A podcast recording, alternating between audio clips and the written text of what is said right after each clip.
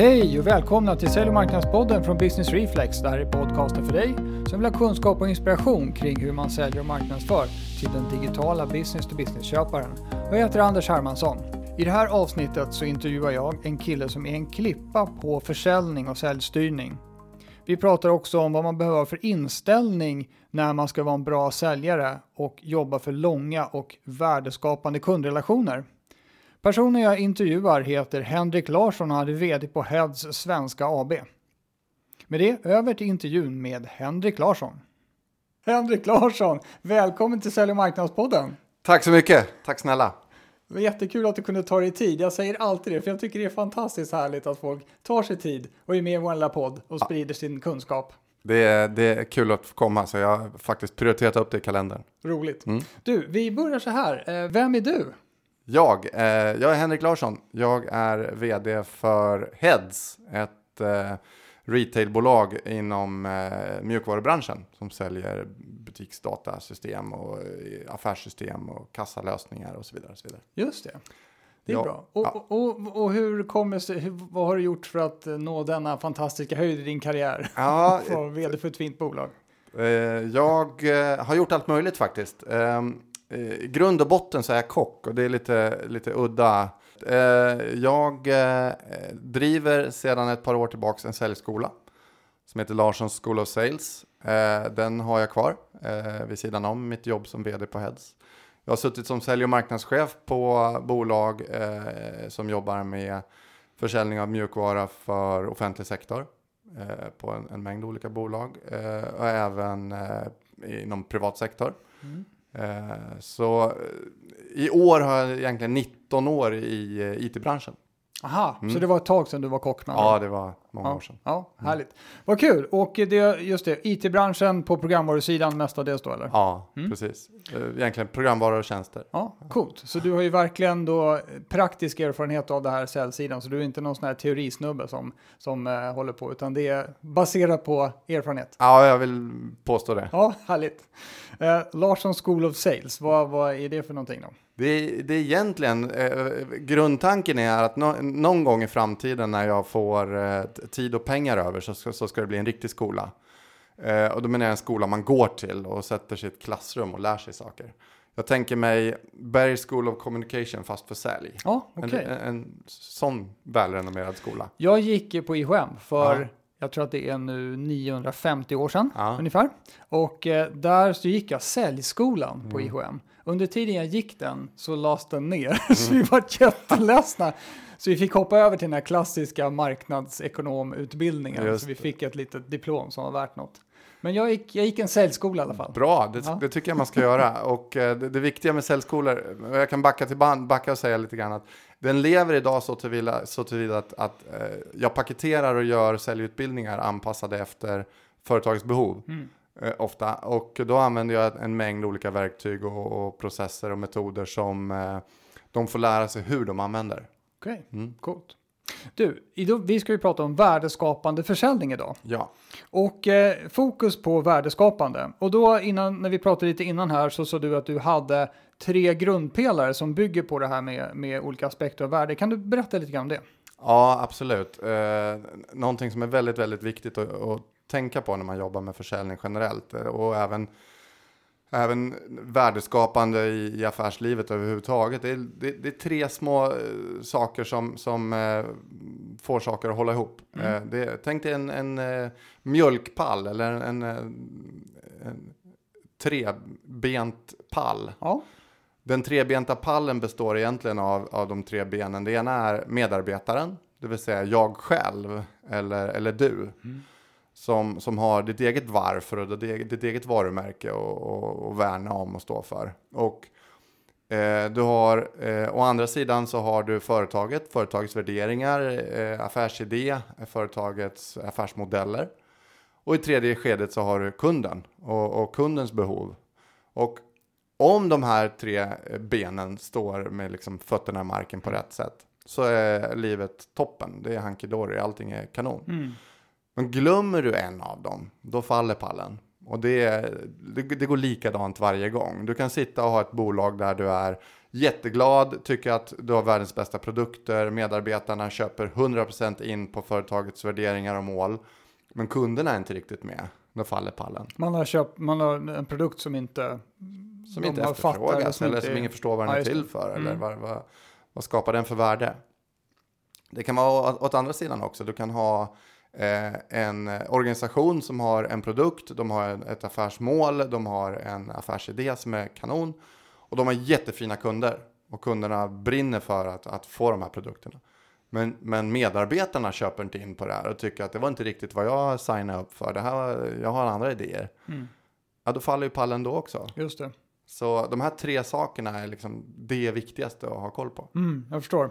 Eh, och, och jag tänkte på det här med det egna varumärket som säljare, eller överhuvudtaget som någon med en extern profil på ett bolag. Det blir ju ännu viktigare idag när vi har så många digitala kanaler att bygga varumärke i. Absolut. Så man kan både bygga det och rasera det ganska kvickt då.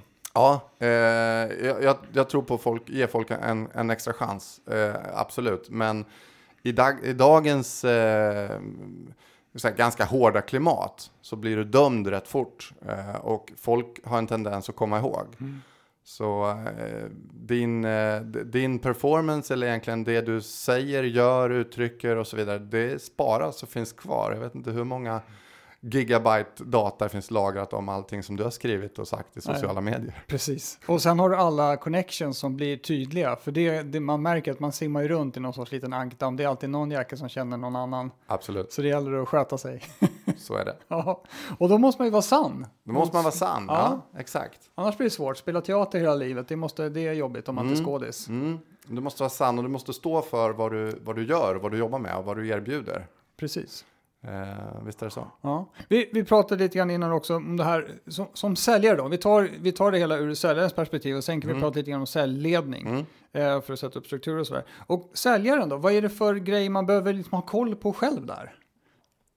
Vi kan väl säga så här då. För, först och främst så om, om jag gör en liten recap på, till säljskolan. Mm. Eh, jag brukar alltid säga till mina elever att du, lite som Simon Sinek, du, du, först varför, sen hur.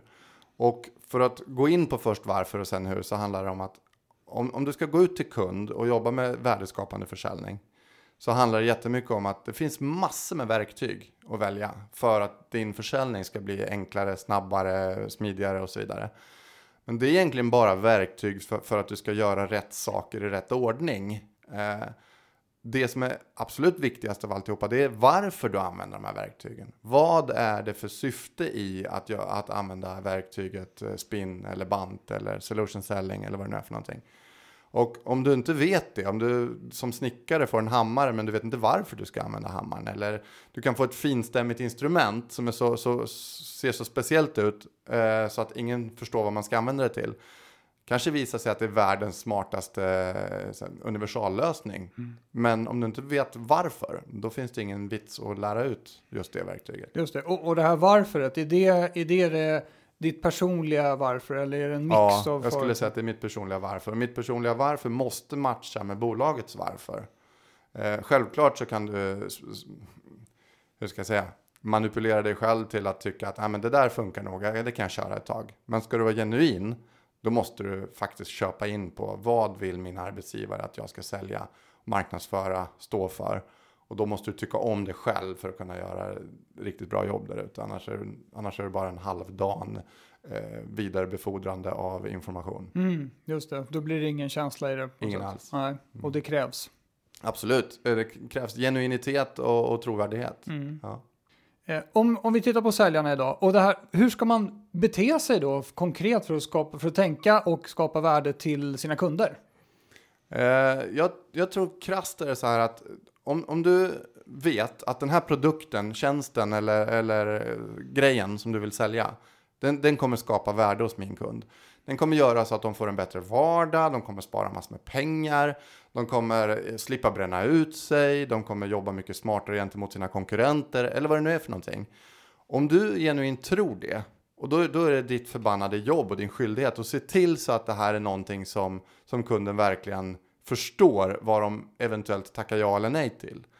Tackar de nej till den, då har du gjort ditt bästa. Då kan ingen eh, blamea dig för det. Tackar de ja till den, då, då kan du känna dig stolt och gå hem och fira och gjort en riktigt bra affär. För då har du skapat värde. Mm. Känner du instinktivt att det här är egentligen inte den bästa lösningen för kunden. Det finns så många andra grejer de skulle kunna ha istället som skulle lösa de problemen i deras problembeskrivning som, som vi inte löser. Backa hem. Låt kunden få vara och gå till någon annan. För i slutändan, så om du inte genererar värde i, idag så kommer du heller inte få, göra, få chansen att göra det imorgon heller. För de kommer komma ihåg att det var han som sålde på den där lösningen som aldrig funkar. Mm. Just det. Och, och du pratade om tårtan förut. Ja. Tårtan, är- tårtan är ett av mina favoritexempel. De som har gått mina utbildningar och lyssnar på, på podden nu, de kommer skratta. För det, de kommer säkert se tårtan framför sig också, för jag använder samma bild igen. Men det handlar egentligen om att du står på ett café eller en restaurang eller var som helst och sen så försöker du sälja eh, en, en tårta till någon som egentligen inte är supersugen på hela tårtan. Men, men, men den ser ju god ut. Vad händer om du liksom tvingar ner den i halsen på din gäst? Eh, förmodligen så mår de illa och kräks om de eh, lyckas svälja alltihopa. Mm. Och, och så, som IT-leverantör eller som produktleverantör överlag så är ju inte den känslan man vill skapa hos sina kunder riktigt. Man vill ju inte att de ska känna sig proppmätta och, och kräkfärdiga när de har fått leveransen. Nej, det är lite jobbigt. Det är tråkigt. Eh, därför så tycker jag också att det är viktigt att som produktbolag eller tjänstebolag kunna, kunna paketera sina tjänster så att det går att köpa lite i taget. Du ska gärna visa och påtala att det finns en stor plattform eller det finns en större, större mm, mängd funktioner att- köpa. Men börja med det lilla. Ta en liten bit, smaka på den, kom tillbaka sen när du tycker att det här är toppen. Eh, och jag lovar att om den lilla biten skapar det värdet som du tror att det gör, då kommer kunden automatiskt komma tillbaka till dig och säga, du, jag vet ju att det finns mer, för jag såg hela tårtan förut. Finns det något kvar? Eh, och, och den känslan är otroligt viktig för, för kunden och för dig att jobba med. Och dessutom så eh, gör det eh, besluten enklare när prislappen är lägre på en liten bit istället för alltihopa. Just det, så det är lite enklare att göra affärer Självklart. och eh, borgar det låter som, som för en lång relation istället för en... Exakt, precis.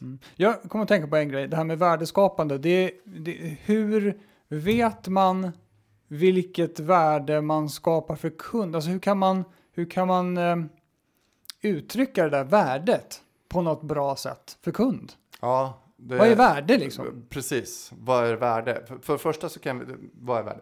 För det första kan man säga så här, ingenting är värt mer än vad kunden vill betala. Mm. Det kan du ha som eh, lite Ja. här, ledmotiv. Ja, just det. Eh, en annan sak som är viktig är att folk som pratar om ROIer, att ja, men return on investment på den här eh, produkten är fyra år för att vi har räknat ut att du sparar så här många minuter, dagar, timmar. De är oftast bara en Excel-sifferlek. Mm. Det är väldigt sällan de faktiskt stämmer. Så värde är till 90% känslobaserat. Mm. Eh, det som går att mäta, det ska man mäta, ska man följa upp. Det finns absolut saker att mäta. Mm. Eh, bästa exemplet är väl om du till exempel köper ett, ett exempel hemifrån. Mm. Värmepump. Mm. Ja. Eh, det kostar eh, 10 000 att värma upp mitt hus hemma i, om året i elvärme. Det är jättedyrt. Om jag köper en värmepump som gör att det är 5 000 kronor i månaden eller om året istället. Eh, men värmepumpen kostar x antal tusen lappar. Ja, då går det ju snabbt att räkna ut vad heroin är på den. Eh, det är jättebra. Men om den nya värmepumpen surrar och brummar högre än den gamla, var det verkligen värt det? Mm. Just det. Då Så lever värde- man med surret istället. Värde är subtilt. Ja. Så det gäller att kunna ta reda på det där på något sätt vad Exakt. kunderna då uppskattar, eller vad, vad de tycker värde Och hur är. gör man det då för det första? Man frågar, frågar, frågar, frågar. Ja. Hur vill ni ha? Vad vill ni ha? Och så vidare. Och så, vidare. Och så försöker man matcha, matcha det med bästa lösning. Mm. Eh, Och tycker man att den här lösningen är för 17, 80, 20 eller 100. Då, då erbjuder man den. Eh, Och sen tycker jag är rätt att följa upp. Ring och fråga. Hur tycker ni det funkar? Är ni nöjda? Har ni, är det bättre nu än förr? Var det värt pengarna? Mm. Det där känns ju som eh, frågor som många kanske bävar lite grann för att ställa. Ja, framförallt säljare, för de Ja. har sprungit vidare till nästa affär och, och glömde den där. Just det. Så hur, hur, ska man, hur ska man tänka för att våga fråga? Våga fråga. Du sa det ny, nyligen, så här, för, försäljning är ju relation. Och det, det handlar ju om att behåll relationen till dina kunder. För gillar de dig så kommer de handla, handla mer på nästa jobb eller i nästa affär eller nästa upphandling eller vad det nu är för någonting. Just det. Hur, hur ska man som säljare välja kunder, tänker du? Oj.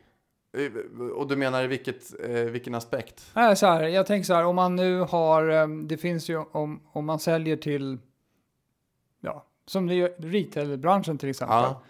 Hur ska man hitta dem och försöka strukturera sitt jobb utifrån vilka som är, kan få mest värde Mm. utifrån? Jag, fa- jag, jag förstår precis.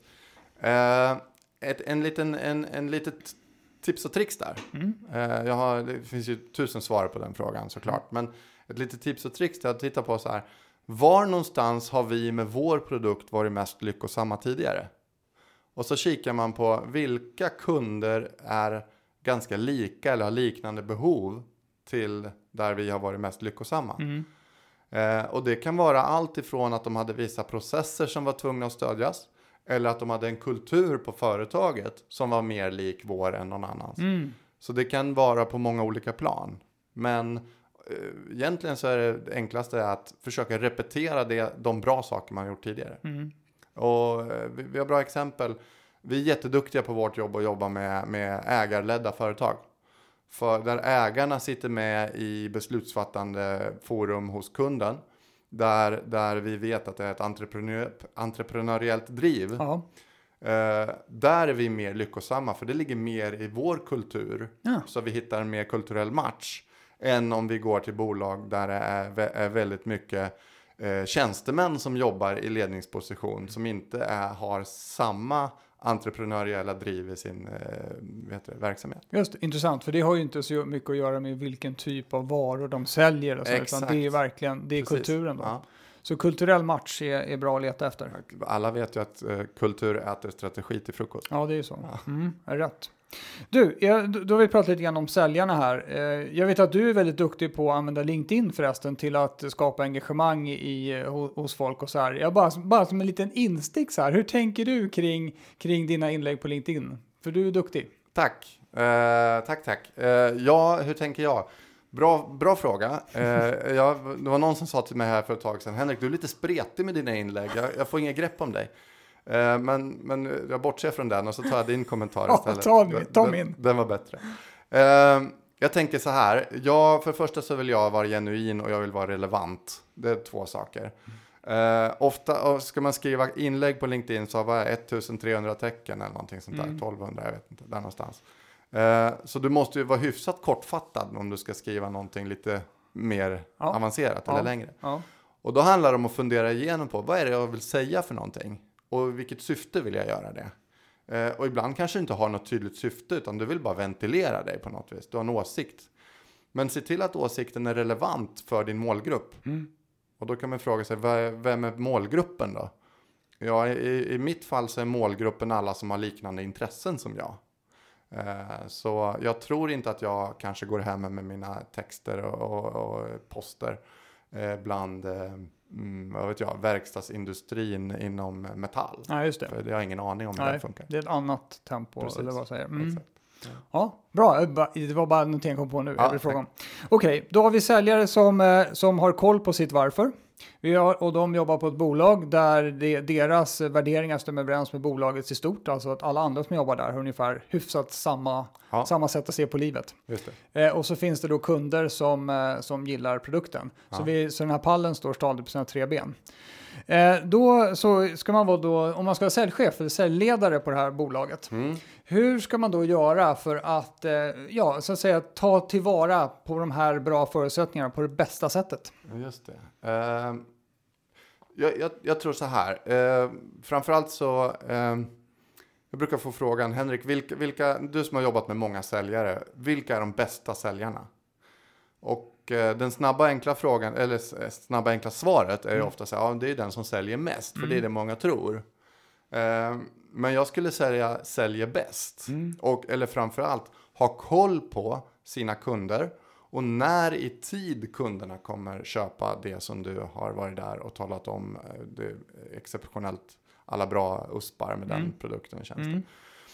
För det viktiga är någonstans att du ska ha, du ska, du ska, som säljare måste du göra massor med olika saker. Du ska ha högt tempo, du ska svara på mail och, och telefon så fort som möjligt. Du ska återkoppla, återkoppla, återkoppla. Du ska ha, ha, vara duktig i tal och skrift, du ska vara social, du ska, du ska, ha, du ska vara en superman helt enkelt. Ja. Men framförallt så ska du återrapportera tillbaks. Mm. Och att återrapportera tillbaks tycker jag är, är någonting som man som ledare måste lära och coacha sina säljare jämt. Mm. För gör du det på rätt sätt så, är det, eh, så, så ser du till att organisationen uppskattar säljaren lika mycket som kunderna uppskattar säljaren. Ja. Okej, så, du- så och då, för annars händer, annars kommer allting i otakt eller? Ja, ett exempel. Mm. Blunda. Ja. Ja. Och, så, och så ser du framför dig en, en, en teckning över en, ett, ett jägarsamhälle. Det här jägarsamhället, det är, du har en liten brasa i mitten, du har några tält som står vid sidan om som är lite slarvigt uppställda med några djurhudar. Du har ett kadaver som ligger bredvid elden, du har några kvinnor som sitter och pillar med någonting där. Du har en jägare som står med ett spjut lite längre bort och en jägare till höger, han står med en pilbåge. Eh, du har en liten sjö framför precis, där är en kanot uppdragen på stranden. Och du ser inte riktigt vad det är i kanoten, men det kan vara ett nät eller det kan vara en, en säl eller någonting sånt där. Det springer ett litet barn på stranden och eh, i horisonten längre bort så ser du berg och lite skog. Det här är alltså ditt företag. Det här är där du jobbar idag. Ja. Eh, alla som jobbar i det här företaget har ju sina arbetsuppgifter. Jägarna som står där, vi kan säga att det är säljarna då. Så de har ju sina områden att springa på. Någon är jätteduktig på att springa i bergen och hitta de, de bästa bytena uppe i bergen och någon annan är inne i skogen, en tredje är i sjön. För det första så måste man ju leda och styra sina säljare att de inte börjar springa på varandras områden. Mm. För han med pilbågen gör inte jättebra jobb eh, ute i kanoten. Eh, dessutom är det som så att att leda och styra dem handlar också om t- tillgång och efterfrågan. Mm. För att organisationen kan bara gå i en viss takt. Och om säljarna släpar hem för lite kött till elden, vad händer då? Ja, ja, då blir det ju det blir hungersnöd. Det blir hungersnöd, precis. Då är det ättestupa för de äldre och sätta ut de y- små barnen i skogen. Ja, Ja. det är hemskt. eh, men vad händer om man tar hem för mycket? Eh, ja, då, då kan man... eh, då blir det fullt med kött överallt. Då är det kött överallt, kan vi precis. expandera byn och... Ja, och det är Ja. det folk tror. Ja. Att vad bra, då kan vi anställa fler. Det är bara det att det är 80 mil till nästa by. Mm. Så det, det, man hinner inte riktigt. Nej. Och, och rekryteringsföretagen, de, de hann inte för det var kö till, till rekryterarna. Just det. Och, och vad gör vi då? Jo, då, då försöker vi salta så mycket vi kan. Men, men grejen är att eh, köttet ligger och ruttnar. Mm. Och det är det som händer. Jag menar, dina kunder som inte får de leveranserna de har blivit utlovade, de blir sura. Och så pratar de med grannen över staketet hemma. Och så, så, eller med, med fotbollsmammorna i, laget. Och talar om att köp inte av dem. För vi köpte, vi blev lovade guld och gröna skogar. Men, men det kom aldrig någonting. Mm. Så jag skulle säga att de säljare som gör det bästa jobbet. Det är de som tar hem lagom mycket kött till elden varje dag eller vecka. Mm. Så att organisationen kan växa i den takt som man tillsammans bestämmer att så här jobbar vi. Just det som man klarar av så att det blir balans på allting. Exakt. Jag brukar fråga så här, vilket är det viktigaste kugghjulet i ett urverk? Ja, precis. Är, alla måste förstå att man, man är en del av en helhet som ska Ja. funka och ticka Nej, men tillsammans. Exakt så. Ja, nice. Om vi tittar på det här med, för, för det finns ju, om det är något område inom ett företag som eh, där det finns mycket styrmedel, för man är liksom nära pengarna och sånt där. Så hur, hur ser du på det? Incitamentsmodeller och sådana saker, om man ska mäta och det? Ja, eh, kopior, incitamentsmodeller, eh, nyckeltal eh, och så vidare. Och så vidare. Säljtävlingar och sådana här saker. Mm. Jag tycker att det är samma, samma sak med de verktygen som det är som med de verktyg som en, en snickare har eller som en säljare själv har. Du måste förstå varför du ska använda dem för att använda dem. Eh, du kan förstöra otroligt mycket genom att lägga fel incitamentsmodell på en säljare till exempel. Eh, du kan skapa eh, interna konflikter. Du kan skapa eh, oroligheter, du kan skapa eh, ledsna kunder. Eh, självklart så, är det, det finns så med instrument så att du, du kan skapa tillväxt också. Mm. Men då måste du bygga bolaget på det sättet som du vill göra och då måste du välja de incitament och eh, belöningsstrukturer som du tycker stödjer den modellen du vill bygga. Ja, just det. Eh, jag vet många säljare som är så, säga, vana med att jobba med, med bonusar Mm. eller, eller provision. Ja. Eh, och en del säljare säger jag vill inte ha provision, jag vill inte ha jag vill ha en fast månadslön varje månad för jag presterar bättre då. Ibland har jag fallit i fällan och, och, och, och, lyssnat på det på, på mina medarbetare, egna medarbetare och sagt ja men okej du får en fast lön. Fast jag märker ett tag efteråt i alla fall att det hade nog varit lite bättre med någon typ av provisionsincitament på Mm. den här individen. Ja. Eh, Så, så frågan är egentligen bara så här, jag tror att det är högst individuellt varje gång. Så likväl som du ska hitta ditt eget ja, ditt eget kall, dina egna saker, så, så har du din, e- din egen drivkraft. Mm. Och då, då gäller det att stimulera beteende med ett, en mängd olika verktyg som är individuellt anpassade efter vad du har för drivkrafter. Aha, okej, det har jag faktiskt inte tänkt på riktigt att, det, man kan göra, att man kan ha en mängd olika incitamentsmodeller Ja, i samma eh, säljgäng. Eva kanske tycker det är roligast att få åka på konferens tillsammans Mm. eh, för att vi vann en, en jätteaffär.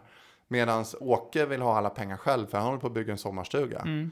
Eller någon annan säger, mig är det inte så viktigt alls. Jag, jag fick ett arv av mina föräldrar här för ett par år sedan så jag jobbar bara här för att det är kul. Mm.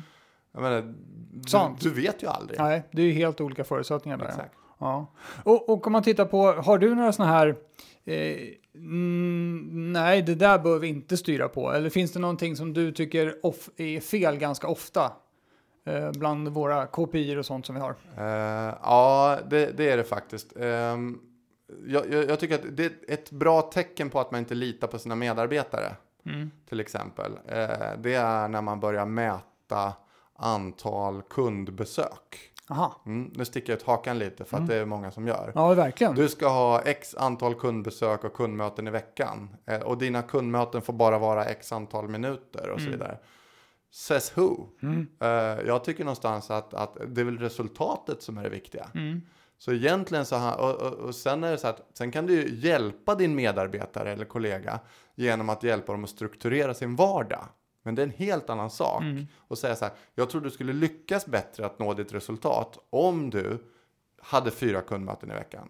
Eh, titta här, jag har lite bevis på det, lite, Mm. lite uträkningar. Eh, istället för att, att tvinga att kundmötena är det vi mäter på. Mm. Eh, MQLer, alltså Marketing Qualified Leads. Ja.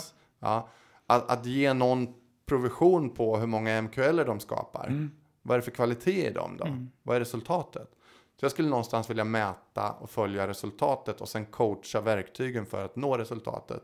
Istället för att sätta mättalen för, långt, för, för mycket tidigare, för då Mm. mäter du fel saker. Just det, jag, jag kommer faktiskt ihåg, eh, jag lyssnade på en podcast där de pratade just om att mäta saker. Då var det, då var det så här, en av, eh, eh, det var en av reportrarna där som kom med en bekännelse. För att han hade sommarjobbat i en butik. Och där, hade, där tyckte de att köerna till kassorna var för långa. Ja. Så de ville, de ville se till att de som satt i kassan skannade varorna fortare. Det skulle gå fortare genom kassan. Ja. Och då hade de en leaderboard så att den som hade skannat liksom flest, högst hastighet, flest varor, eh, den fick ett pris och så här, eh, för den veckan. Eh, och då var det så här, de fick ju exakt det de ville. För det var nämligen så här att då var det, då var det ofta så att dyra köttbitar, streckkoderna på dem var ofta lite knöliga. Ja, Vad hände med dem? De åkte ju rakt igenom oskannade. Så fel kan det bli. Ja, exakt. Nej, men you get what you measure. Ja, det är så enkelt. precis. Ja. Och man får exakt det man mäter. Det är det som är riskfaktorn i det här. Då. Mm. Bra. ehm, eh, då har vi det här med värdeskapande. Det är det som är grejen, eller hur? Absolut. Ja. Och eh, vi kände att det fanns, eh, det fanns bra sätt att förstå vad kunden uppfattar som värde. Vi hade de tre benen där eh, ditt företags värdeerbjudande och kultur måste stämma överens med din egen och så. Absolut. Och, Och, måste, ja, och kundens. och kundens makt. Exakt. Det är en sån treenighet kring kultur här och tro på någonting. Ja, det är det. Ja. Absolut. Grymt. Eh, och sen så sa vi att säljarna måste förstå varför de håller på med saker och inte bara bli påslängda en massa verktyg. Exakt. Förutom med, man måste säga det, jag hatar spinn, jag tycker det är så eländigt. Men spi- spin, spin kan ju uppfattas, det är otroligt manipulativt ifall, ifall det görs på ett fult sätt. Jag håller helt med. man blir utsatt för det där. Ja. Ehm, ja, och, och sen så har vi då en cellledning som förstår att, det det tycker jag var sjukt sjukt bra, att, att förstå vad det är som driver varje individ, snarare än att slänga på ett bonusprogram på alla och så kör vi. Eh, så det var ju superbra. Eh, om, vi nu, om du skulle tänka så här, vad, om man nu skulle som säljledare, eller vd för ett bolag här, skulle vilja få mer av det här, för, för det känns som att det är lite svårt att ta på det här med värdekultur och sådana här saker. Hur skulle du föreslå att man börjar? Vad ska, vi, vad ska man göra nu? Oj, vad ska man göra nu? Alltså direkt efter att man har lyssnat klart? Ja, men jag tycker det. Ta första steget. Det kan vara boka mötet eller gör något. Ja, jag, jag, jag säger så här. Eh, nummer ett så tror jag så här. Vill man, vill man eh, jobba med de här bitarna mera strukturerat. Mm. Eh, då handlar det om att förstå sina medarbetares drivkrafter. Och matcha dem emot och se, har de samma drivkraft och mål som vi har på företaget eh, och eh, i organisationen. Eh, om du tycker att eh, de presterar och performar på den nivån du, du är nöjd med, då, då kanske det är bra. Men du kan ändå gå och sätta dig med dina medarbetare och fråga för att du ska prestera ännu bättre. Eller för att du ska nå dina mål som vi har satt upp här tillsammans. Vad behöver du då? Vad är det för någonting som du känner att du saknar? Eh, och eh, jag tror att sådana enkla frågor, likväl som frågan om ringa till sin kund och säga Är du nöjd med det vi har levererat? Känns det bra nu? Är det någonting du saknar? Många vågar inte göra de här sakerna för de orkar inte ta hand om svaren, vare sig från medarbetarna eller kunderna. Just det. Så det är där utmaningen ligger tror jag. Snyggt. Jag tycker det var underbart bra tips som är konkret och så, snarare än att man säger oh, vi ska ta fram våra värdeord och så här. Glöm det, utan det där var en väldigt konkret fråga. Bra. Snyggt! Tack så jättemycket Henrik för att du kom hit. Tack själv, tack. Det var allt vi hade att bjuda på den här gången från Sälj och marknadspodden. Hoppas att du tycker att avsnittet var inspirerande och att du nu har lite mer inspiration kring hur man ska tänka långsiktigt i sina kundrelationer och verkligen bry sig om vad kunderna behöver mer än vad man kanske själv vill sälja för ögonblicket. Och vad ni än gör där ute så ska ni vara relevanta. Hej då!